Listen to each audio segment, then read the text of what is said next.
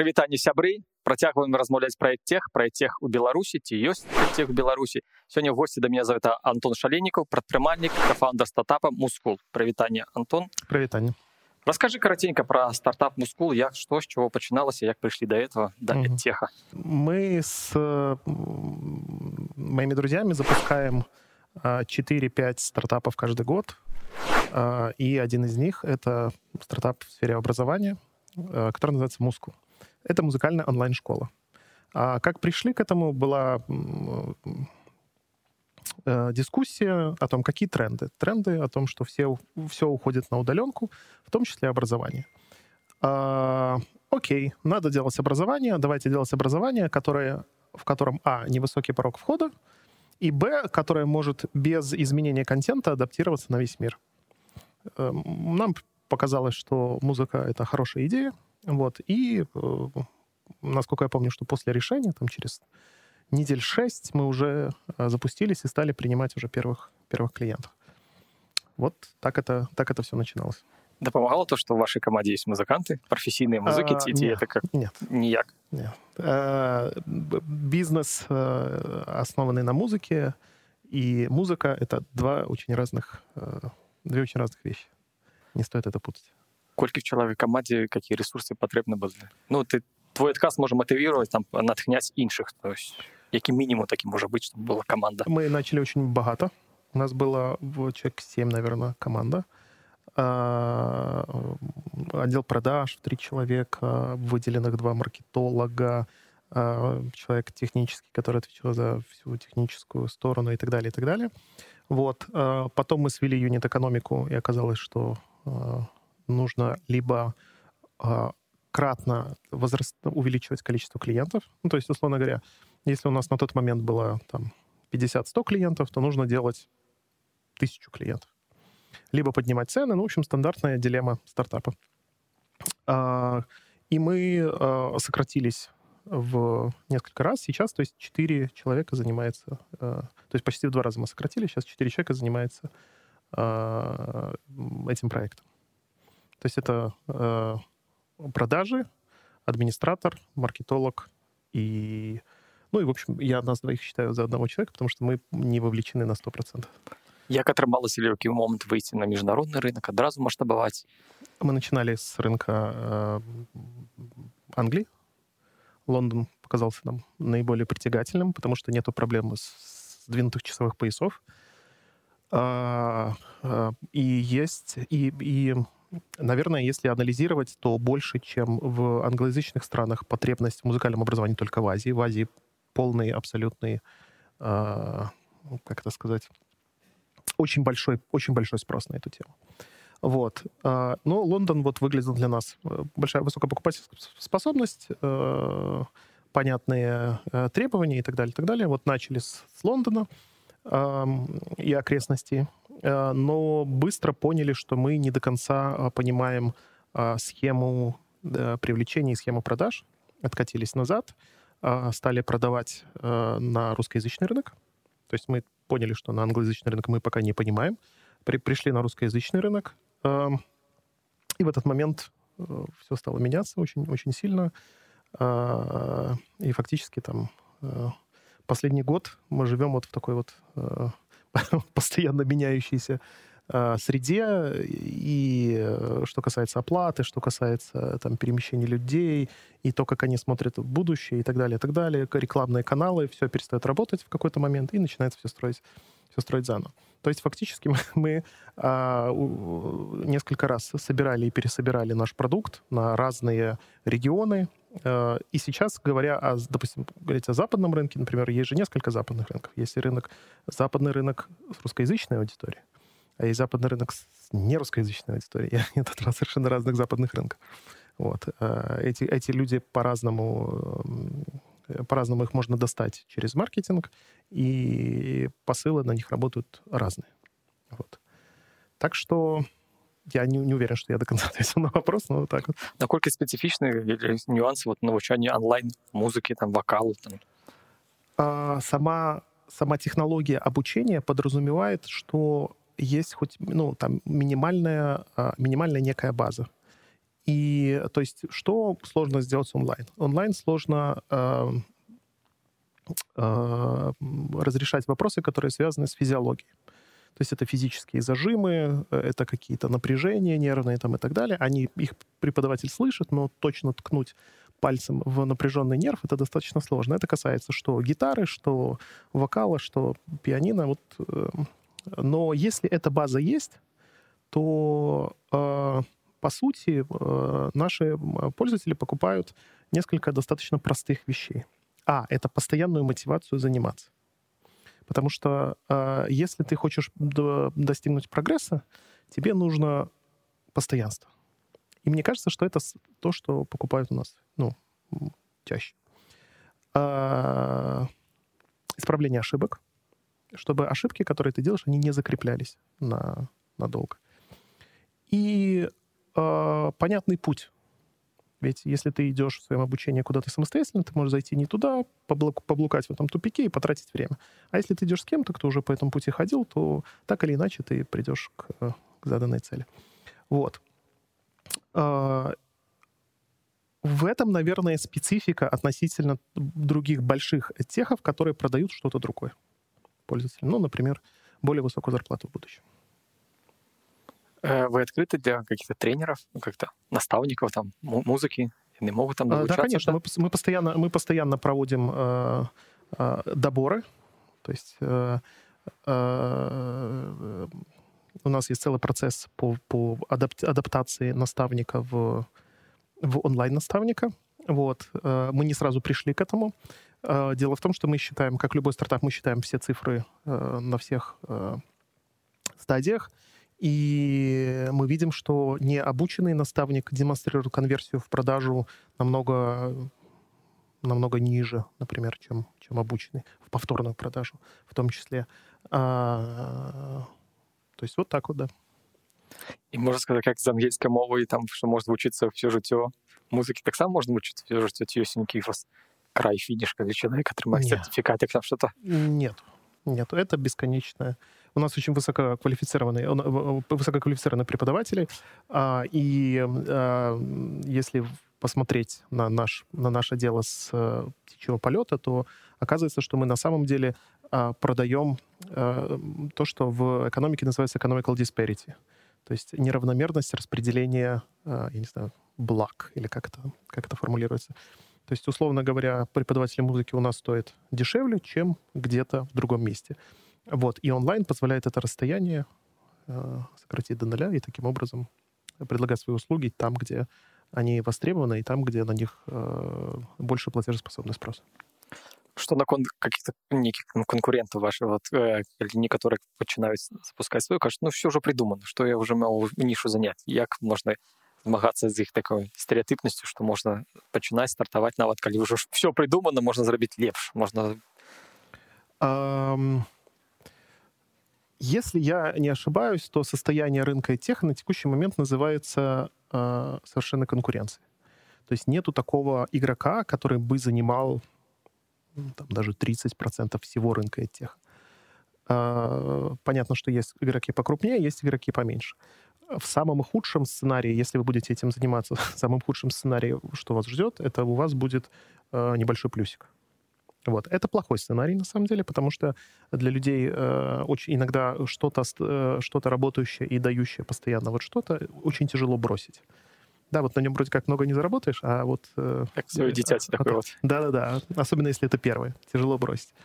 Вот. Э, но на самом деле э, продукт образования — это не продукт, как это, как, как бы это сформулировать, что продуктом образовательного бизнеса является цепочка маркетинга и продаж, а не сам образовательный продукт. К сожалению.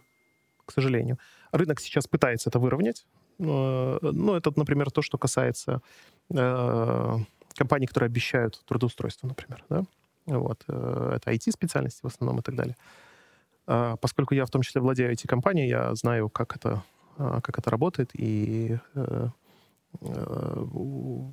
я что-то не видел, чтобы у нас проходили даже, доходили даже до состояния интервью люди, которые окончили образовательные курсы, вот эти вот общедоступные от больших провайдеров. Вот. И рынок это пытается как-то выровнять. Но, тем не менее, а, если вы будете этим заниматься, то, по крайней мере, вы станете намного лучше в маркетинге и в продаже.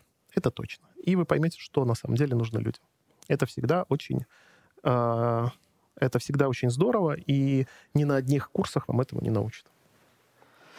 Как стал раскручивать эту тематику теха в Беларуси, как организовал первый свой хакатон, этих хакатон давілася што беларусі дастаткова шмат вялікая колькасць фрилансераў uh -huh. фрилансеры якія працуюць ну на весь свет ну пераважна больше на, на рускамоўны свет але, але все ну, ну зразумела нейкія рэпетытары матэматыка фізіка хімія там да мовы але там тренеры йогі тренеры просто по фізухі ты ты ты на твою думку фрилансер еще будзе існаваць такой ці вялікі вот стартапы корпорации будут э, захопліваць весь рынок под себя і вот сёння этот рэпетитор он мае там 10-15 студэнтаў а ему уже трэба рыхтавацца там маштабавацца бо на хакатон я не мог их запросить напрыклад а я сваю тысячу маю я там хто в декрете хто так праз вайбер праз інсту что-то выйдут выкладаюць сваю маю типа все я счастлівы чалавек мне больш не трэба ці ім трэба пасацца что завтра может не быть працы или поменей працы быть а, завтра нет но послезавтра это вполне возможно. Как в любом э, профессиональном сообществе, э, можно много найти таких, мне кажется, сообществ аналогичных. Э, и все, мне кажется, что завершится следующим образом, что будут большие э, компании, в которых будут работать вот эти фрилансеры, в конце концов. Э, получая ту же самую тысячу, но вот как бы имея некие социальные гарантии, и, может быть, налогообложение будет другое, и что-то еще. И будет плеяда э, звезд. Звезд, полузвезд, э, некие медийные личности. Ведь сейчас, чтобы делать э, фактически любой бизнес, нужно становиться так или иначе э, медийной компанией. Вот даже у нас, мы, нас это не э, обошло. Мы э, завели сначала Инстаграм, но потом с Инстаграмом случилась беда, э, мы завели ТикТок, вот, э, и это вот такой канал продаж, который сейчас работает на определенную аудиторию, и успешные, в том числе репетиторы или успешные а, тренеры, успешные, да кто угодно, фактически продают через вот эти медийные каналы, а не через закупку там прямой рекламы, например. Вот. А, итого, отвечая на вопрос, переживать вообще никогда не стоит. Э, работа будет, может быть, ее будет чуть-чуть поменьше, или она будет, или это будет уже зарплата. Но, в общем, мне кажется, что э, э, так или иначе в долгосроке экономика выровняет все, все, все, все, все, все, все зарплаты. То есть я считаю, что наши учителя очень сильно не, не дофинансированы. Как это вот сказать в Недооценены. Недооценены, да. да. Недооценены, потому что у нас достаточно очень сильные учителя а, по математике, по физике, по точным наукам. Я просто сам математик по образованию, а, участвовал в олимпиадах и получал, как мне кажется, одно из самых лучших образований, э, ну, если не у нас в стране, то вот, которое мне было доступно точно. Вот. И считаю, что такие учителя достойны, чтобы зарабатывать на уровне а, айтишников или даже сильно выше.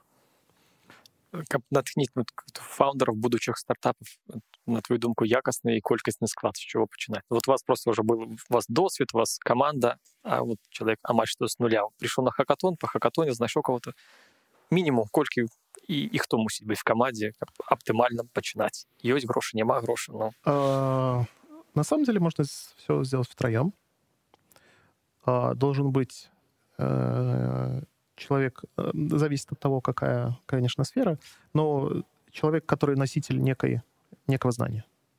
А, в мире инфопродуктов его называют эксперты. Вот, должен быть эксперт, а, должен быть э, человек, который делает дело. Вот так давайте назовем это. Обычно он называется продюсер. То есть тот, кто запускает вот всю вот, всю вот историю. Вот. А, и должен человек, который понимает, как э, из этого всего делаются деньги. Мне кажется, что это, без этого человека тоже. Э, в общем, вот три человека сейчас можно запустить достаточно успешный продукт. Э, главное очень хорошо понимать, э, кому, что и как вы продаете. Это, это такие избитые достаточно слова, вот, но они очень важны. Наколькі важна в умовах фаундеру ну і в цэлым камандзе ведаць замежныя мовы ангельскую мову для прасоўвання это Это полезно, но не обязательно. А, если вы не знаете... Я вижу, как эм, фаундеры из России, поскольку у них схлопывается бизнес, идут в другие регионы. Я, например, упомянул Юго-Восточную Азию, и вот э, даже со знанием английского в Юго-Восточной Азии запустить проект — это нужно иметь очень сильные управленческие навыки. То есть нужно прямо с самого начала очень хорошо понимать, что ты делаешь, как ты делаешь, как ты контролируешь результат. Э, ну вот представьте, что вы смотрите на ваш лендинг, к примеру, да, и вы не понимаете, что там написано. Но каким-то образом нужно понять, он хороший или нехорош. Договориться с людьми, которые там работают и так далее, и так далее, и так далее. То есть, э, если вы знаете, прекрасно. Если не знаете, вы просто станете лучшим руководителем, чем вы были до этого. Все. Ну, я веду, что вы летите там частка вашей команды удзельнічае веб-саміце наколькі важна удзельнічаць не шкадаваць грошы ресурсы на удзел там в конференциях саммитах форумах международных для команды для фаундеров там. У нас очень прагматический подход к конференциям. Э, он звучит приблизительно следующим образом, что если нету понятных цифр, которые можно показать публике, то участие в них должно иметь понятные цели, как минимум. Вот. Э, э, понятно, что всегда есть нетворкинг и так далее, вот. но если есть там условных 5-10 тысяч долларов, то иногда их лучше потратить на два месяца проверки маркетинговых гипотез, к примеру, чем лететь на э, конференцию. Вот. Э, по крайней мере, через, через, если вы потратите на проверку маркетинговых гипотез, вы станете на 5-10 тысяч умнее, чем, чем до этого. А после конференции, ну, не знаю. Я просто очень много был на разных конференциях, э, и по, по, постепенно их ценность, она э, как бы снижается. То есть, вот сам, сам растешь. Нет, не то, что, не то, что сам растешь, просто сама по себе конференция не есть, не есть благо. Э, на конференции должен быть план, должны быть намечены встречи конкретные, должны быть, э, должна быть цель обозначена э, и так далее, и так далее, и так далее. То есть, чтобы это было некое осознанное осознанный шаг, а не «О, прикольно, давай съездим в Буэнос-Айрес». Или «А где сейчас проходит веб-саммит?» В Лиссабоне. Давай съездим в Лиссабон. Ну, прикольно. Вот. Э, но если это все э, в рамках не потому, что есть возможность полететь, а для того, чтобы что-то сделать, тогда это можно, конечно, сделать. Вот. Ты как математик, якое твое ставление онлайн, офлайн адукация, микс, и что будет в будущем за онлайном? Я отвечу не как математик, а как отец. У меня, у меня ребенок. У меня два, два ребенка, э, один постарше, второй помладше. Я вижу, что спорт достаточно сложно сделать онлайном. Вот, поэтому он ходит, поэтому приходится возить куда-то там. Но он занимался у меня уже языками онлайн, занимался немножко математикой онлайн. И я считаю, что вот ради этого возить, вот я бы как родитель, вот я бы не стал. Мне кажется, что это очень-очень-очень-очень перспективная штука, которая э, вот этот онлайн, мне кажется, что он все же изменит образование и базовое, и профессиональное. Ну, я имею в виду э, высшее. Э, в самом недалеком будущем. Можно ли математике научиться онлайн? Конечно, можно. Есть, даже в Беларуси у нас есть несколько компаний, которые этим занимаются. Вот. Э, огромное количество репетиторов учат онлайн. А, вот. Ученые, всего, ученые на математике мира научились организовывать э, конференции по математике онлайн, и как-то все прекрасно. Э, конечно, это не, замен, не заменяет живого общения, но, тем не менее, как, как, как э, некий дополнительный, э, то есть маленький кусочек офлайна и много онлайна, это, мне кажется, так же эффективно, как и много офлайна я зразумеў что ты готовы платіць за нейкія адукацыйныя паслугі сервисы да. онлайн можа подкажи наткні можа чагосьці табе не хапае это як фізічнай асобе как антону як як бацьку можа бы як ну, фаундеру як заснавальніку кампаніі прадпрымальніку за што ты бы мог плаціць ну, ничего няма можа быть натхніш і подкажаш тебе няма часу няхай іншы ствараюць і ты за гэта готов плаціў ну я со стороны отца отвечу что Это вельмі популярная бацькі шмат еще поделиться. Да-да-да. У меня ребенок, э, ребенок ходит в школу, в третий класс. У них там есть уроки английского. Ребенок говорит, я не хочу, ну, мне неинтересно туда ходить. То есть мне, ну, ходить туда неинтересно, я не знаю, что там делать. Ну, то есть он говорит, что, э, говорит, мой брат, которому три года, знает английский лучше, чем, э, чем мои одноклассники. Я не понимаю, почему так происходит, но я понимаю, почему так происходит у нас, потому что у нас э, я плохой отец, и я иногда пользуюсь, как бы, когда мне нужно отвлечь ребенка, пользуюсь гаджетами. Вот. Э, у нас планшеты, айфоны там. Вот. И дети научились смотреть э, YouTube. Вот. И, э, ну, так как я пользуюсь Ютубом в основном англоязычным, то и они, когда берут мой телефон, высока вероятность того, что они посмотрят мультик на английском больше, чем на русском. Вот. И, соответственно, так вот они потихоньку и э, хорошо э, понимают, по крайней мере, старший хорошо понимает, говорит чуть слабее, младший знает, мне кажется, что сейчас меньше слов э, русских, чем английских. Вот, это большая проблема, на самом деле, потому что уже нужно в садик вести и так далее. В общем, любые языковые истории и любые истории, где дети общаются между собой онлайн, из разных стран, может быть, э, с разными интересами, э, может быть, онлайн и офлайн вместе. Вот это, вот это мне бы как родитель, я вообще готов за это платить э, без проблем. А для себя что-то набывать в сервисе, курс для компании там? А... Коммерциальный Zoom там набыть, там что-то нет? А, ну, у нас есть, мы пользуемся, О. да. Мы, ж, э, мы, поскольку мы проводим занятия онлайн, э, он, занятие у нас длится час, все, это уже означает платный Zoom.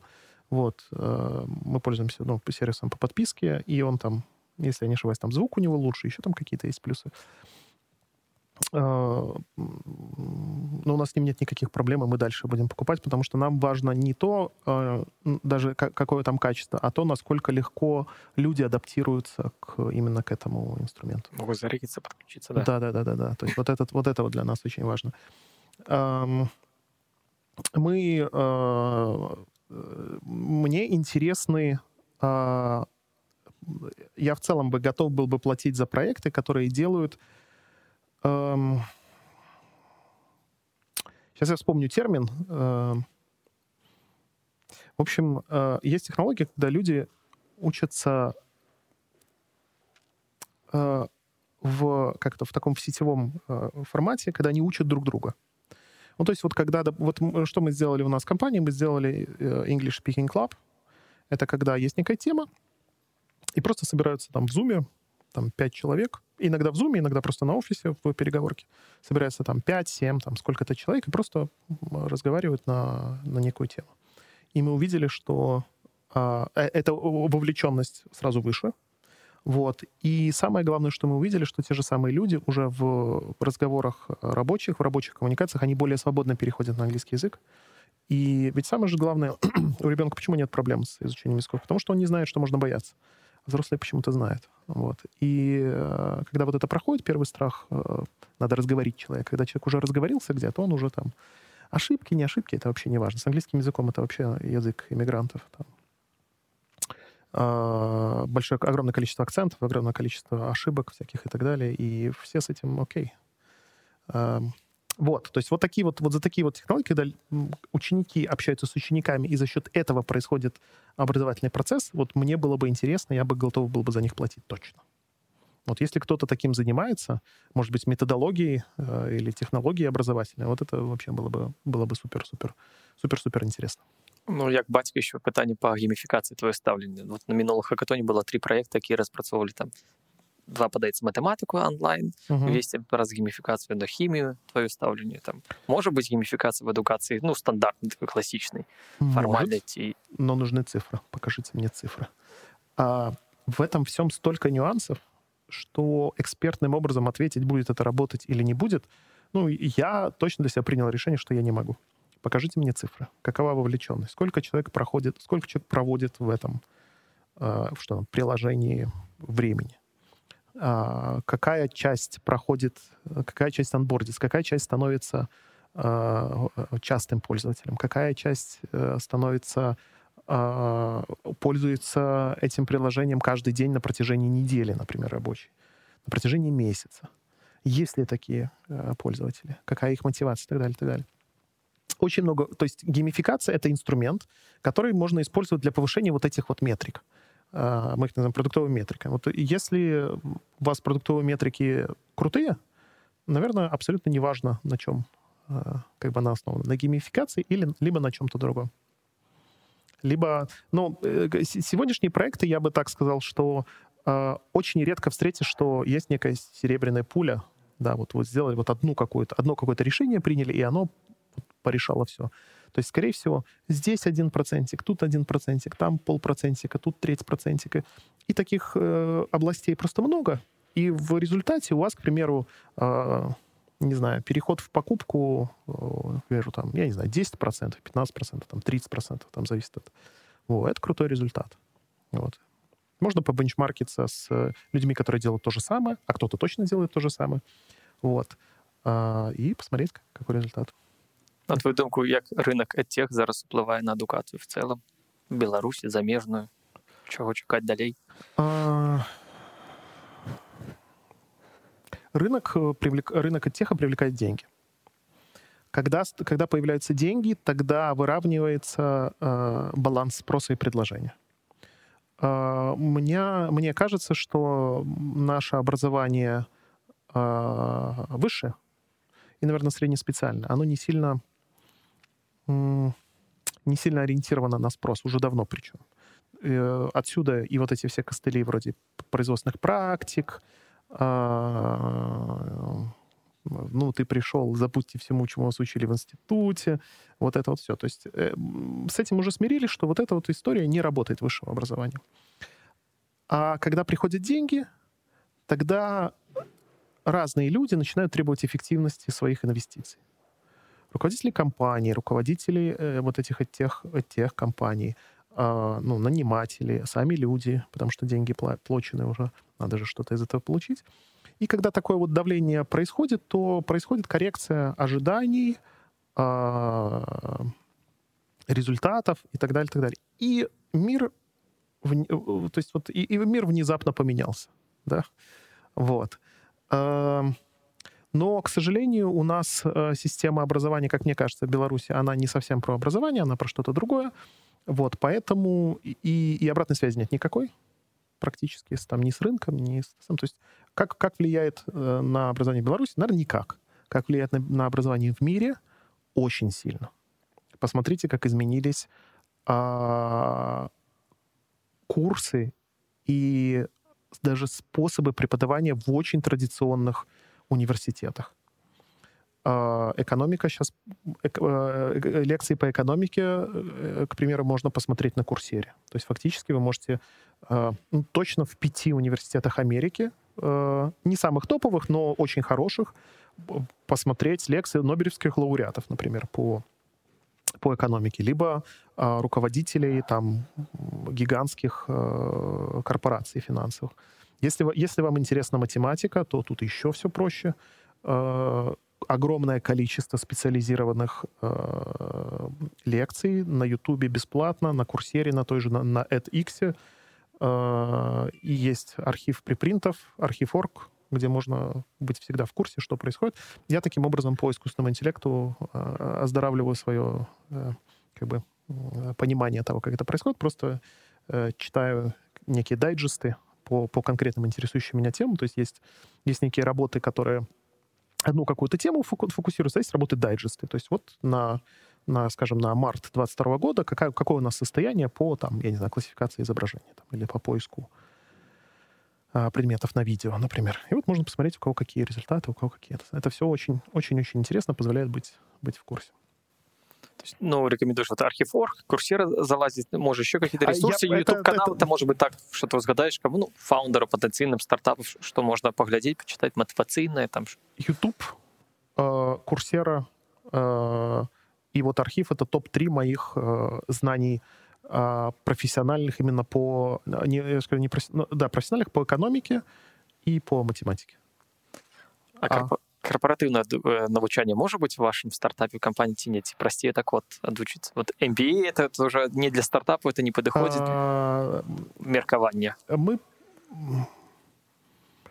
мы мы не видим на рынке э, что-то, что, что мы бы могли покупать. Но готово. Да, но если мы видим... Нет, есть, э, есть вещи, которые мы покупали и которые я могу рекомендовать. Э, есть тренажер э, для продукт менеджера Он называется Go Practice. Если вы когда-нибудь планировали запускать свой продукт или что-то в этом роде, рекомендую купить. Он стоит совсем недорого, там что-то 100 долларов, может быть, может чуть больше. Вот, но он прям, вот прям то, что надо. А, мы покупали еще образование в Яндекс Практикуме. Вот. Эм, и, и мы покупали, а, в основном западные тех мы покупаем, некие специализированные ресурсы, вот сугубо специализированные по, по именно по нашим там, вот что-то нас интересует там, вот очень-очень, очень-очень вот таким точечно, и вот мы там покупаем. Вот. А, фаундеры могут делать э, образование корпоративное, если они видят, каким образом это превращается в деньги. То есть если они могут э, свое образование очевидным образом перевести в деньги, то это означает легко это продать руководителю любого уровня. Вот, ему легко это продать своему руководителю, если там требуются какие-то серьезные закупки. То есть если вы видите, как ваше образование переводится в деньги, то делайте. В, тут у нас не э, паханое поле. Огромная армия людей, которые хотят заработать. Если вы придумаете способ, как, как им помочь, то вы поможете себе тоже. А ваше ставлення ну, твою і команди до акселератору неких локальних, локальних немає, вам заміжно куди-то долучиться, подвучиться, отдать долю, не долю, як? А, мы участвовали в одном акселераторе, да, назывался стартап Сауна. А, это на тот момент был самым крутым и самым лучшим акселератором в Европе. Он находился в Финляндии, в, Хельсинки, э, на территории университета Альта. Вот. Э, фантастический, потрясный опыт. Э, и, в общем, я, если у вас есть желание пройти акселератор, то я бы никого не сдержал. Я думаю, что это очень хорошая история. А, сейчас акселераторы берут какие-то совсем смешные, на самом деле, проценты, а, но сам процесс просто отдать, отдать процентов, он не такой простой. Он приведет все в порядок, все ваши мысли, взаимоотношения фаундеров, там, а, юридическую сторону и так далее, и так далее. Вот, если вы э, соберетесь подаваться в топовые акселераторы, такие как или комбинатор, то сам процесс подачи мне кажется, стоит того, чтобы его пройти. То есть вот как сделать питч, как сделать а, э, вашу презентацию, на чем построить, на чем сакцировать внимание и так далее, так далее. Это настолько отрезвляет, что э, ну, это стоит того. Даже если ничего не получится, прям это все равно будет настолько хорошим опытом, ну, конечно, если вы собираетесь этим заниматься. Да, любая подача какого-то да, бизнес-анёла в некий фонд, так само заполнить заявку, уже, уже человек да. приземляет, разумеет, які да, питання да, треба сказати. Да, да. Ці ёсць нешта ці зусім нічога не, не а, засталось к, в Беларуси есть классные бизнес-ангелы и они более доступны чем западные и они тратят на мой взгляд очень много времени на то, чтобы разъяснять достаточно базовые вещи. То есть, если вам удастся попасть в, этот, в эту среду, то я бы тоже э, очень бы внимательно слушал и э, как-то доверял тому, что говорят эти люди. То есть... Критика э, полезна, да. Э, нет. Э, ну, ведь самый, самый базовый инстинкт, когда, нам, когда мы слышим что-то, что нам не нравится, это отрицание. Вот. И э, если это отрицание разбавить доверием, то э, э, это будет услышано э, намного лучше и польза будет намного больше, чем просто отмахнуться и сказать, а они там вот не понимают не меня. понимают меня, да. Да, на первом хакатоне, оказалось, одна команда готова были в субботу вечером уже сесть, но не понимали их менторы. Не понимали менторы, да. да вот. Э, я рекомендую слушать всех людей, потому что люди говорят очень классные вещи. И сейчас есть новомодная тема, она называется трекинг. Вот. Э, это как э, фитнес-тренер, но для бизнеса. В общем, если у вас есть что-то работающее, или вы собираетесь сделать что-то работающее, и у вас есть э, понимание, что как-то у вас есть человеческие слабости, вы что-то можете не понимать, что-то можете не видеть, что-то можете не хотеть видеть, А у вас могут быть специфические э, психологические состояния, там, апатия, я не знаю, э, э, что же, разочарование и так далее, и так далее. Это все может влиять на, на вас, но вот если вы с тренером когда-либо занимались в зале, ему пофигу. Вот тетя там вообще нет, давай. Еще пять повторений. Тяжело? Ну, понятно, ну еще пять повторений. А также и с трекером в бизнесе. Э, если трекер хороший, то он очень сильно ускоряет, ускоряет все процессы. То есть это такой катализатор, который э, э,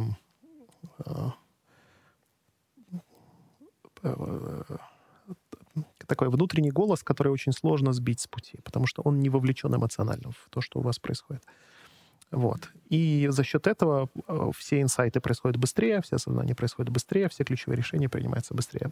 Настоятельно рекомендую тому, кто этим, тому, кто этим не занимается. Хоч я не пам'ятаю твой власний досвід. Ти працював где-то в компанії, да, після почав свою стартувати. Як, як перекинувся? Uh... Яка була мотивація? Як натхнити інших, що от можна брати і робити паралельно, може розкручувати свою справу, свій стартап, uh... і одразу все кинуть і я работал в найме только в момент, э, когда я учился в университете. После университета у меня был выбор. Э, мне... Я хотел купить квартиру. Вот. И я не очень понимал, как это сделать. Ну, ведь э, тогда у меня зарплата была что-то в районе там, 200 долларов или там 300. Квартиры стоили, ну, чуть-чуть больше. Вот. И как это сделать, не сильно понятно. Вот. И не складывалось вообще, поэтому э, уже там сразу же после пятого курса мы запустили... Я как-то оказался вовлечен в организацию двух стартапов. Один касался интернет-рекламы, второй касался электроники. Вот. Э, э, я выбрал интернет-рекламу. Э, что-то мы там заработали, но случился кризис 2007 года. Вот. И тогда я вышел из этого э, бизнеса, ну, вроде уже как с квартирой. Вот. Э, и пошел в электронику. Ну, я подумал, что, ну, вот я уже что-то там понял, как это все делается, давайте я буду заниматься электроникой. Занимался электроникой, но очень сложно в Беларуси заниматься электроникой. В общем, э, и, и я осознал причины этого всего только там где-то году в 2000 там, 13 или там 12 что, ну, все уже. Я вижу, что ничего здесь большого не будет. Вот. Но, тем не менее, удалось что-то там тоже, тоже построить. Был достаточно такой успешный, можно сказать, экзит. А, и а, потом я сделал свой первый стартап. Это было приложение, кстати, по, в образовательной сфере по обучению математики. Вот, а, как мы тогда думали. Но а, у него было большое количество скачиваний, вот, и мы с, думали, как это развить. И вот я по этому поводу ездил в, а, в, э, в стартап-сауну. А, но инвестиции этот проект не получил. А, и потом мы основали сервисную компанию IT, вот, которая достаточно успешно выросла и стала вот основой наших там, последующих стартапов. Один из них — это э, музыкальное приложение. Вот мы, ну, там, серия музыкальных приложений. Вот это тоже, э, эту историю мы тоже продали э, в прошлом году. Вот. И сейчас мы делаем вот э, какие-то новые, новые вещи. Калі можа пра планы распавесці гэта павялічыць колькасць кліентаў юзеров кра краіны там вы зацікаўлены ну людей новых шукаеце в команду там а да, нам, те не хто вам потребен нам интересны э, мы всегда ищем людей с ярко выраженными суперспособностями. Ну, то есть, если человек что-то делает хорошо, он нам однозначно интересен. А, мы, э, мы ищем людей, которые могут быть э, а, авторами контента в наших образовательных э, проектах, может быть, будущих, может быть, связанных с IT. Нам интересны руководители проектов, которым интересно поучаствовать в, в образовательных проектах. То есть если вы, если вы хотите попасть в тех, сразу на руководящую должность, э, э, например, руководителем продукта или руководителем там, проекта, то, может быть, мы вам сможем помочь. Да, добре, що є місце навіть тут, в Білорусі, да, да, да, да, да. І не обов'язково займатися музикою, може щось інше. Да, да. В общем, если что, мы всегда ищем э, крутых ребят, всегда открыты к любым, э, э, к любым контактам и взаимодействию. Дякую, коллеги. Черговая размова про тек ці ёсць цех беларусі восем сёння был антон шаленіков прадпрымальнік і кафаундер стартапа мускул Дякую антон до сустрэчы ставьте лайки подписывайтесь делитесь это відэа со сваімі сябрамі коллегами до новых сустрэчаў до свидания